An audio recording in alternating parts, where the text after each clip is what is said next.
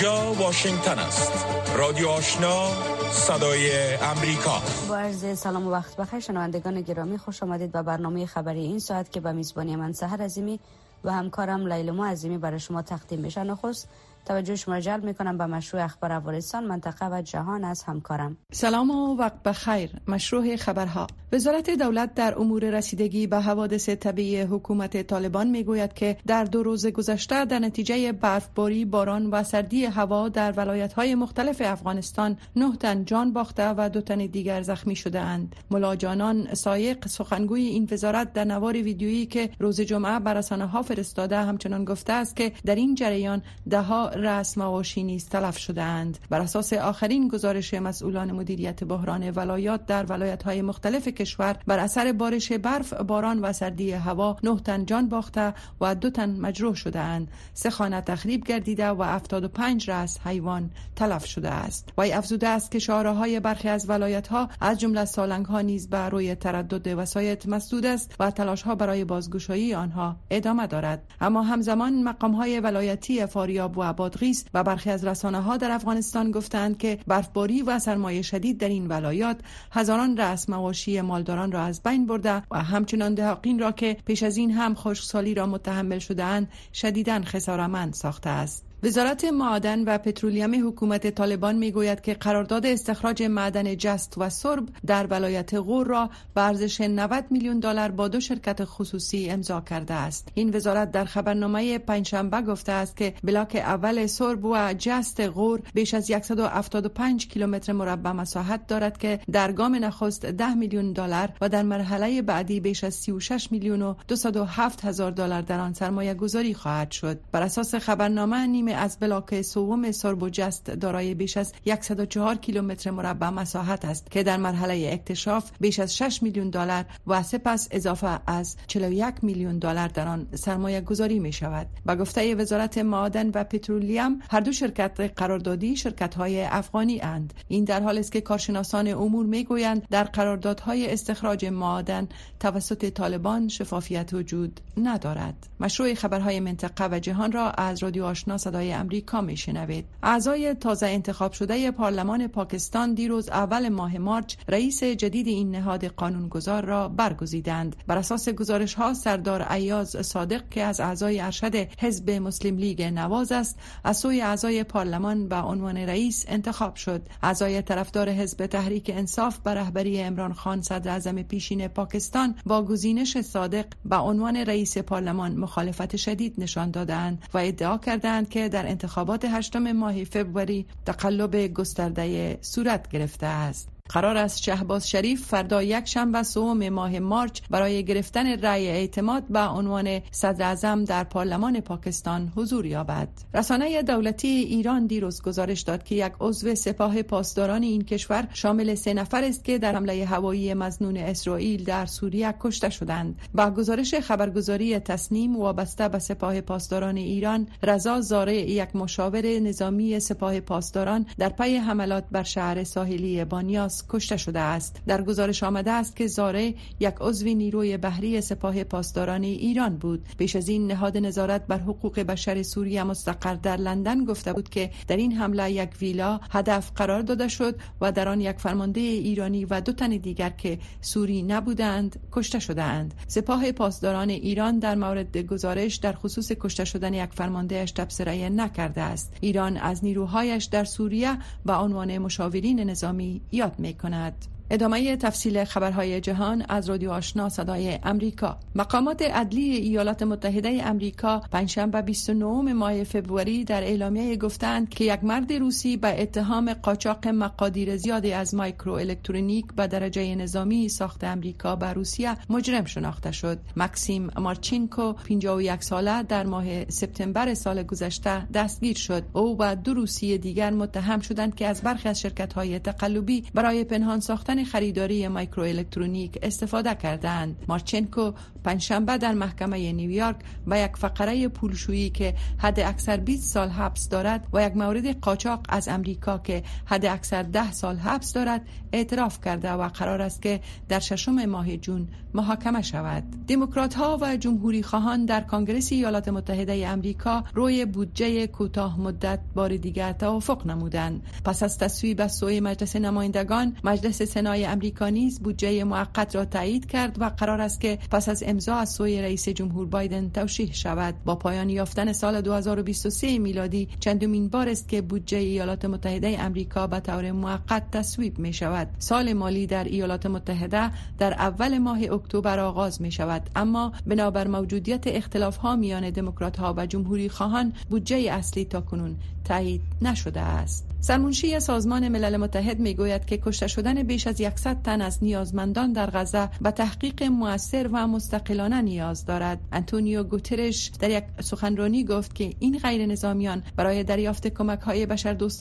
منتظر بودند. گوترش افزوده است از تحولات اخیر جنگ میان اسرائیل و حماس تکان خورده است. حماس از سوی ایالات متحده امریکا و اتحادیه اروپا سازمان تروریستی دانسته می شود. وزارت صحت غزه تحت کنترل گروه حماس می‌گوید بیش از سی هزار فلسطینی در جنگ نزدیک به پنج ماه در نتیجه حملات اسرائیل کشته شده اند. در حمله هفتم اکتبر جنگجویان گروه حماس بر بخش‌های از اسرائیل حمله کردند و با کشتن حدود 1200 تن بیش از 240 تن را گروگان گرفتند. رسانه های یونانی گزارش دادند که چهار افغان متهم به آتش زدن یک کمپ پناهجویان در موریا به محکمه استیناف حاضر می شوند. پیش از این آنها به اتهام آتش زدن به کمپ موریا در جزیره لیسبوس در سال 2020 میلادی هر یک به ده ده سال زندان محکوم شده بودند. با گزارش رسانه های یونانی هر چهار متهم باید روز دوشنبه چهارم ماه مارچ در محکمه استیناف حضور یابند. در نتیجه آتش سوزی در کمپ مزدحم موریا در سپتامبر سال 2020 هنگامی که ویروس کرونا همگیر شده بود باعث شد که حدود 13 هزار تن بی سرپناه شوند. پنج روز پس از این رویداد یک پناهجوی 42 ساله افغان تایید کرد که در آتش زدن کمپ دخیل بوده است. او با اعتراف به جرمش همچنان نامهای همدستانش را در این رویداد افشا کرد. یک عضو تیم تطبیق کننده واکسین پولیو و یک پلیس در حمله مردان مسلح ناشناس در منطقه لکی مروت ایالت خیبر پختونخوا کشته شدند. این واکسیناتور غنی الله نام داشت و اعضای خانوادهش گفتند که جسد وی صبح روز پنجشنبه در نزدیک خانه آنان پیدا شده است. از سوی هم در حمله به یک پسته پلیس در منطقه بنوی ایالت خیبر پختونخوا دست کم یک پلیس کشته شده است. کمپاین تطبیق واکسین پولیو یا فلج کودکان دوشنبه 26 ماه فبروری در لکی مرود و ساحات دیگر آغاز شد و دیروز اول ماه مارچ به پایان رسید. پاکستان و افغانستان دو کشور در جهانند که پولیو هنوز در آنها محو نشده است. رئیس کمیته روابط خارجی مجلس نمایندگان ایالات متحده امریکا با تلاش برای اقدام علیه انتونی بلینکن وزیر خارجه این کشور ادامه داد. مایکل مکال می گوید آقای بلینکن با پنهان کردن اسناد مربوط به خروج امریکا از افغانستان با دستور کانگرس ایالات متحده به اعتنایی کرده است. و گزارش خبرگزاری رویترز مکال جمهوری خواه گفته است که کمیته روابط خارجی مجلس نمایندگان در هفتم ماه مارچ جلسه را برگزار خواهد کرد و در این جلسه قدنامه که پیشنهاد می کند بلینکن به دلیل خودداری دوامدار از پیروی از درخواستی که کمیته در ماه جولای ارسال کرده بود مورد بازخواست قرار بگیرد. بررسی خواهد شد. کمیته روابط خارجی مجلس نمایندگان از وزارت خارجه ایالات متحده می خواهد که در مورد خروج از افغانستان که در پایان ماه آگوست سال 2021 تکمیل شد اطلاعات بیشتر را شریک سازد. جمهوری خواهان و برخی از دموکرات ها می گویند که درباره روند خروج با هرج و مرج که در جریان آن 13 نظامی امریکایی در میدان هوایی کابل کشته شدند به طور کامل گزارش دادن نشده است. رویترز نوشته است که وزارت خارجه ایالات متحده متحده و درخواست برای تبصره در این مورد پنجشنبه پاسخ نداد. رئیس جمهور جو بایدن قبلا از تصمیم درباره خروج نیروهای امریکایی از افغانستان دفاع کرده است. پایان مشروع خبرهای افغانستان جهان تا این ساعت از رادیو آشنا صدای امریکا. شنونده های عزیز سلام بر شما. با درامی امروزی ما خوش آمدید. ما و شما در مورد پولیو و یا هم فلج اطفال بیشتر شنیدیم مگر آیا تا کنون فکر کرده اید که پولیو چگونه بر اطفال حمله می کند؟ من حیث والدین این را باید درک کنیم که پولیو یک مرض ساری است و بالای اطفال ما به زودی حمله می کند. پس اگر من حیث والدین مسئولیت خود را به درستی انجام ندهیم پس باید درک کنیم که خدای نخواسته اطفال ما دچار پولیو خواهد شد. اینکه این مرض چگونه بر اطفال حمله می کند بیاید در این مورد در درامی امروزی بشنویم. این شما و این هم درامی امروزی.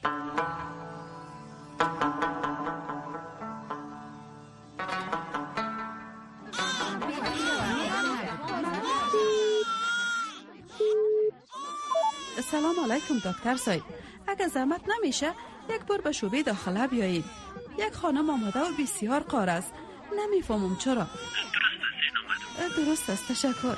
یک دقیقه از کم دور شدم. باز تو آمدی سر به خود برش واکسین می‌کنی؟ تو چی کاره؟ فقط بگویی که بچه ما فلج از خدا نخواسته. که قطره واکسین برش میتی. بی بی همشیره ما این کار سر به خود نکردیم. مطابق کارت واکسین بچه برش واکسین دادیم.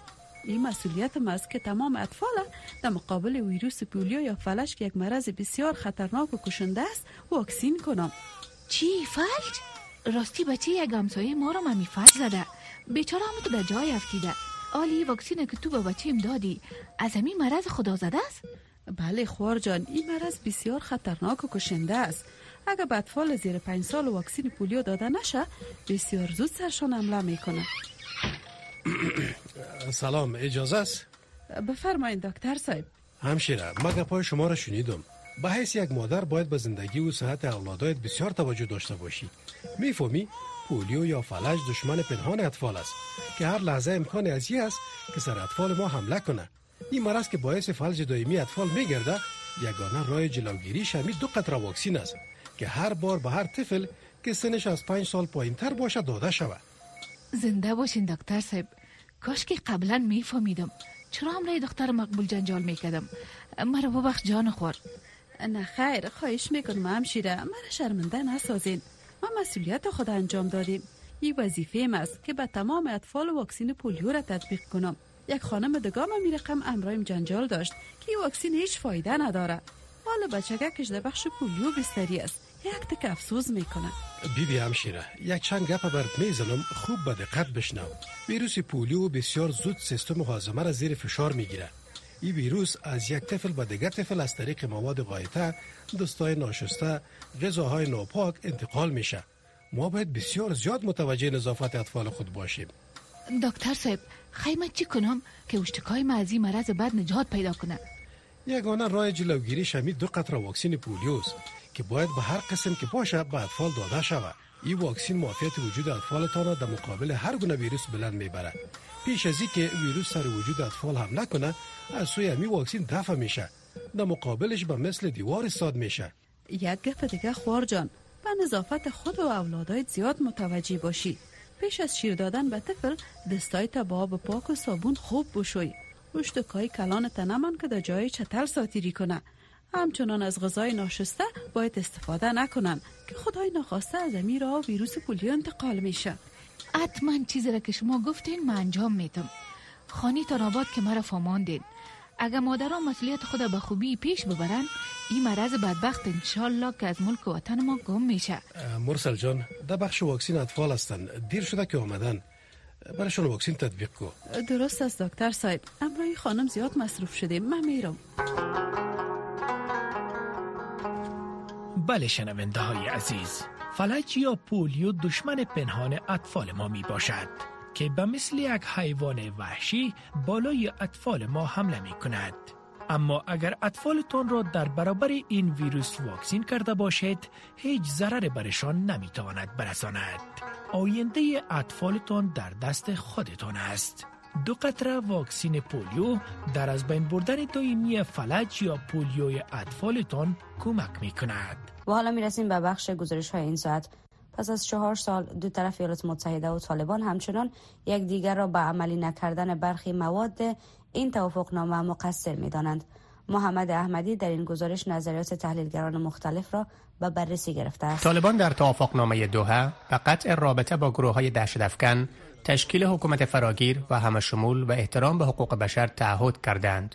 ایالات متحده امریکا بارها حکومت طالبان را بر نقض توافقنامه دوحه به ویژه تداوم روابط با گروه های تروریستی از جمله گروه القاعده متهم کرده و گفته است که طالبان این توافقنامه را عملی نکرده است اما طالبان ایالات متحده را به عدم پایبندی به این توافقنامه متهم کردند ماروین ون کارشناس مسائل افغانستان در انستیتوت شرقی میانه می‌گوید که حضور ایمن و زواهری در کابل نشانه آن بود که حداقل برخی از طالبان به خصوص احتمالا شبکه حقانی حمایت خود را از القاعده بر نداشتند.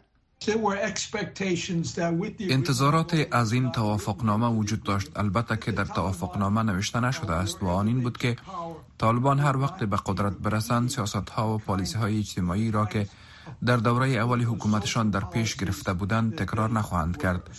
این بخش در توافقنامه نبود اما تفاهم روی آن شده بود که آن گروه به آن عمل کند. البته در واقعیت این طور نشد و ممنوعیت های زیادی را بر زنان و آزادی بیان و مخالفین سیاسی خود اعمال داشتند.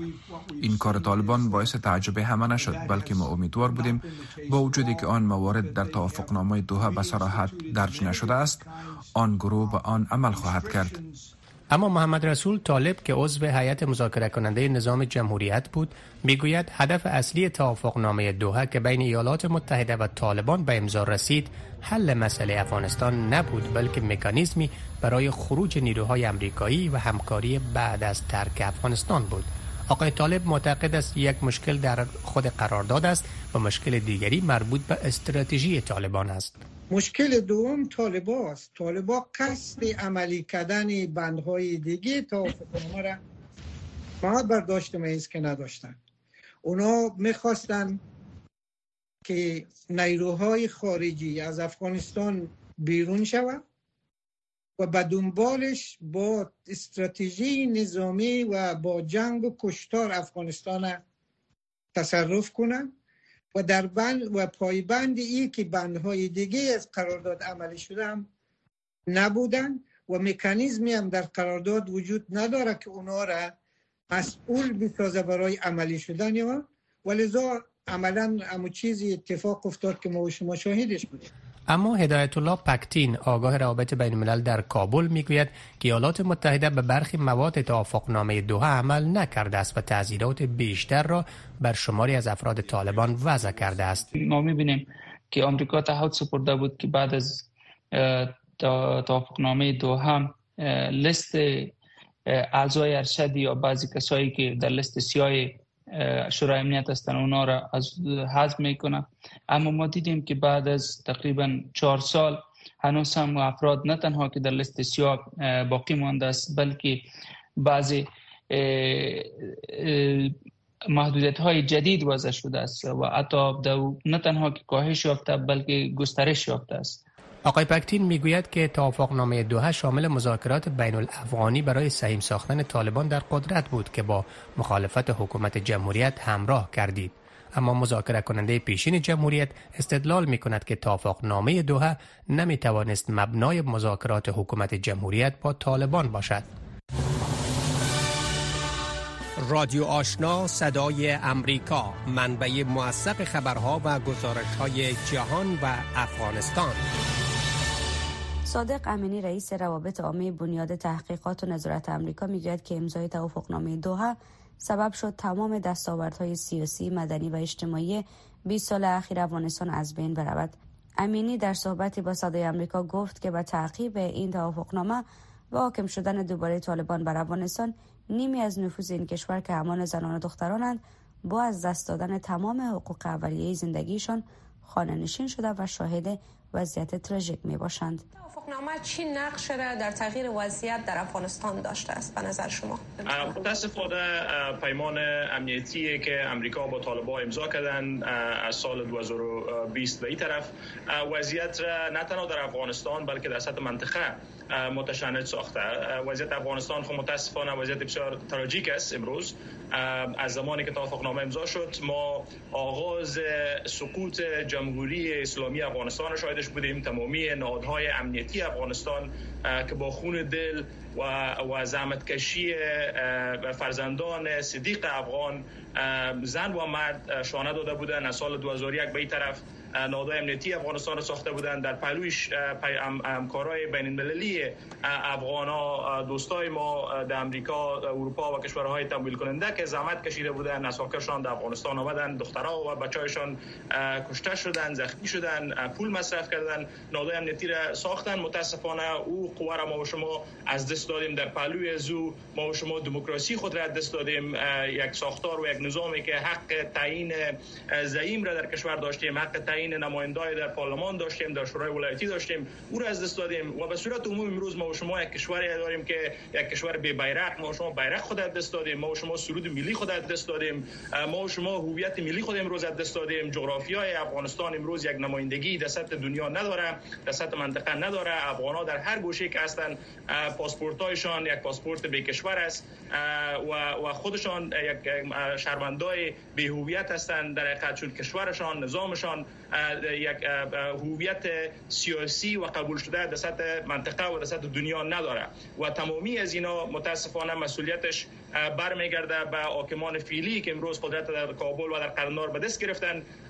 چی و کسایی که چهرهایشان ما شما می‌بینیم ما می‌شناسیم. چی کسایی که چهرهایشان دیده نمیشه یا صدایشان شنیده نمیشه مسئولیت مستقیم به دوش از اینا است که تحت نام از اینا افغان هستند و تحت نام از اینا مسلمان هستند سرنوشت 40 میلیون مسلمان و افغان را در در جغرافیا به گروگان گرفتن و به خصوص و به خصوص از همه مهمتر بیشتر از 20 میلیون نفوس افغانستان که خانم ها و دخترها باشن اینا به گروگان گرفتن در حقیقت یک زندان را به زندان جغرافیایی تبدیل کردن. بیشتر از 20 میلیون زن و دختر افغانستان هیچ نواینده ندارن هیچ نو امید ندارن و هیچ زندگی و حق آزادی و حق تعیین لباس و حق کار و حق درس و تحصیل ندارن که بسیار یک وضعیت تراژیک است. واقعا منی به نظر شما امضای توافقنامه دوها چی تاثیرات را در سطح منطقه‌ای و جهانی داشته؟ با توجه به اینکه اکثر تحلیلگران در حقیقت امضای توافقنامه دوها را دلیل سقوط جمهوریت و سرگردانی مردم افغانستان می‌دانند.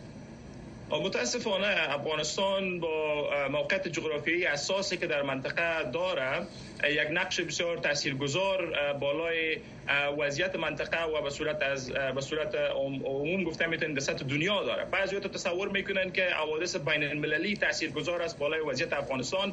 ولی تو تصور کرده می‌تونیم که قضایای داخل افغانستان یا وضعیتی که در داخل افغانستان به پیش میشه باعث میشه که بعضی کشورها در سطح منطقه و در سطح دنیا موقف گیری داشته باشند که بعضی وقتا بالای در مقابل یکی دیگه قرار می‌گیرن. پس از روزی که افغانستان سقوط کرده تقابل در سطح منطقه بیشتر شده تقابل در سطح بله. دنیا زیادتر شده و چون افغان ها ندارن نمایندگی دیپلماتیک که بتونن منافع دنیا و منطقه را با هم دیگر منسجم بسازن طالبا بله. بیشتر گفتگوهای تکتیکی با منطقه و دنیا دارن که باعث سوء تفاهم میشه مشکلات زیاد رادیو آشنا صدای امریکا. پنج تا هفت صبح و هفت شام تا ده شب. تازه ترین خبرها و گزارش ها رای دهندگان ایرانی روز جمعه برای انتخاب نمایندگان مجلس به پای صندوق های رای رفتند. این انتخابات اولین انتخابات پس از سرکوب اعتراضات جمعی در سال 2022 است. انتظار می رود برخی از ایرانیان در این رایگیری شرکت کنند در حالی که انتظار می رود برخی دیگر به فراخوانهای فعالان برای تحریم رایگیری توجه کنند زیرا به گفته آنان منتقدان دولت عملا از حضور در انتخابات منع شدند. گزارش صدای آمریکا را از من سحر عظیمی بشنوید روز جمعه ایران اولین انتخابات پارلمانی خود را پس از اعتراضات گسترده زنان و جوانان در سال 2022 که توسط حکومت سرکوب شدن برگزار می کند. در سرکوب اعتراضات در سراسر ایران بیش از 22 هزار نفر بازداشت و 500 نفر کشته شدند. در آستانه رأیگیری رهبران ایران از مردم خواستند که در این انتخابات شرکت کنند زیرا مخالفان پس از رد صلاحیت گسترده نامزدهایی که از احزاب محافظه کار و طرفدار حکومت نبودند خواستار تحریمان شدند. آمار و پیش بینی نشان می‌دهد که سطح مشارکت مردم در رأیگیری به طور کم سابقه کم خواهد شد. تحلیلگران می‌گویند بسیاری از مردم رأی نخواهند داد زیرا آنها انتخاب خود را برای عدم مشارکت به عنوان راهی برای به چالش کشیدن مشروعیت حکومت می‌دانند. نایسان رفعتی تحلیلگر ارشد گروه بین المللی بحران برای ایران است.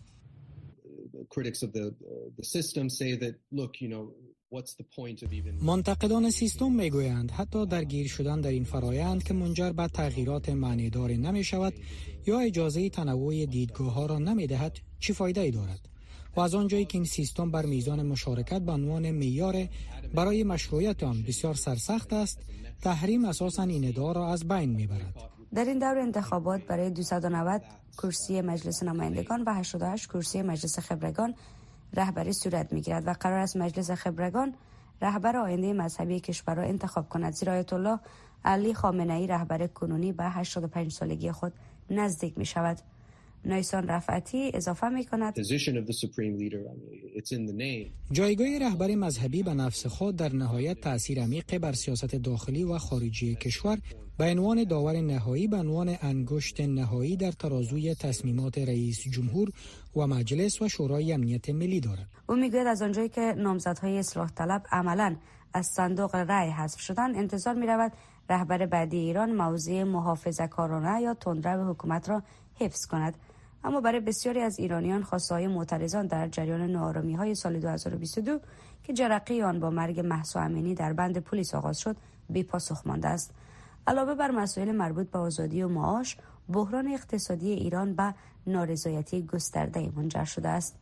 بندیک ویگرز مشاور نظرسنجی جهانی گالوب و نویسنده یک گزارش در مورد ایران است. در سال 2023 تنها 15 درصد از ایرانیان گفتند که زمان خوبی برای یافتن شغل در منطقه آنان است. در حالی که 80 درصد گفتند که زمان مناسبی برای یافتن شغل نیست و 61 درصد دیگر وقتی از آنها پرسیده می شود که چگونه با درآمد فعلی خانوارشان زندگی می کنند. 61 درصد از ایرانیان می گویند که در حال حاضر به سختی یا بسیار سخت می توانند با درآمد فعلی خود کنار بیایند. او می‌گوید در سالهای اخیر ایران تورم تقریبا 40 درصدی را تجربه کرده و تعداد بیشتری از جوانان می‌گویند که مایلند برای آینده خود به خارج از ایران سفر کنند. رادیو آشنا صدای امریکا منبع موثق خبرها و گزارش های جهان و افغانستان. مصر از احتمال برقراری آتش بس در باریکه غزه پیش از آغاز ماه رمضان خبر داد. این در حالی است که شماری از کشورهای جهان در واکنش به حمله اسرائیل به فلسطینیان که منتظر دریافت های کمک های بشردوستانه بودند خواستار تحقیقات ملل متحد شدند. جزیت بیشتر در این گزارش. سامه شکری وزیر خارجه مصر روز جمعه در مجمع دیپلماسی انتالیا گفت که قاهره در مورد توقف جنگ در باریکه غزه امیدوار است. امیدواریم که به توقف جنگ، تبادله زندانیان و گروگان ها برسیم. نخست از همه به خاطر مردم فلسطین و رفاه آنان. به نظرم هر کس این را درک می کند که ما با یک محدوده زمانی روبرو هستیم و هر کس اهمیت موفق بودن و توقف جنگ را پیش از آغاز رمضان می داند. مذاکرات برای برقراری آتش بس در غزه از هفته گذشته تا اکنون با میانجیگری قطر در پاریس ادامه دارد. خبرگزاری رویترز گزارش داده که بر اساس طرحی که مذاکرات روی آن جریان دارد قرار است آتش بس در غزه در دهم یا یازدهم ماه مارچ برای مدت چهل روز برقرار شود. در بدل این آتش بس در برابر رهایی هر گروگان اسرائیلی از بند حماس اسرائیل ده زندانی فلسطینی را باید رها کند. وزیر خارجه مصر همچنان بنیامین نتانیاهو صدر اعظم اسرائیل را با تلاش برای گسترش دادن دامنه جنگ غزه متهم کرد و ادعا کرد که آقای نتانیاهو به دنبال آغاز جنگ منطقه‌ای و کشاندن امریکا به این جنگ است. ریاض المالکی وزیر خارجه اداره خودمختار فلسطین که در کنار وزیر خارجه مصر در نشست روز جمعه حضور داشت گفت که بدون فشار جامعه جهانی اسرائیل به برقراری آتش بس حاضر نخواهد شد. از هم سرگی لاوروف وزیر خارجه روسیه روز جمعه در مجمع دیپلماسی انتالیا از نزدیک شدن مواضع جناهای فلسطینی خبر داد. در اعلامیه که دیروز در نشست این جناها در مسکو نشر شد برای نخستین بار این جناها به شکل مکتوبی آمادگیشان را برای احترام گذاشتن به سازمان آزادی بخش فلسطین ابراز کردند. اگر این اقدام تنها یک شعار باقی نماند این یک اقدام خوبی در راستای متحد شدن واقعی جناهای فلسطینی خواهد بود. در تازه ترین انکشاف در غزه شاخه نظامی گروه حماس روز جمعه گفت که در اثر بمباران اسرائیل بر غزه هفت گروگان اسرائیلی کشته شده. شاخه نظامی حماس همچنان تایید کرد که شمار مجموعی گروگانهای اسرائیلی که در اثر عملیات نظامی اسرائیل کشته شدهاند به بیش از هفتاد نفر رسیده است. اسایی هم وزارت صحت غزه که در کنترل حماس است روز جمعه گفت که شمار کشته شدگان فلسطینی از آغاز حملات نظامی اسرائیل بر غزه به حداقل 3228 نفر رسیده و شمار زخمیان به بیش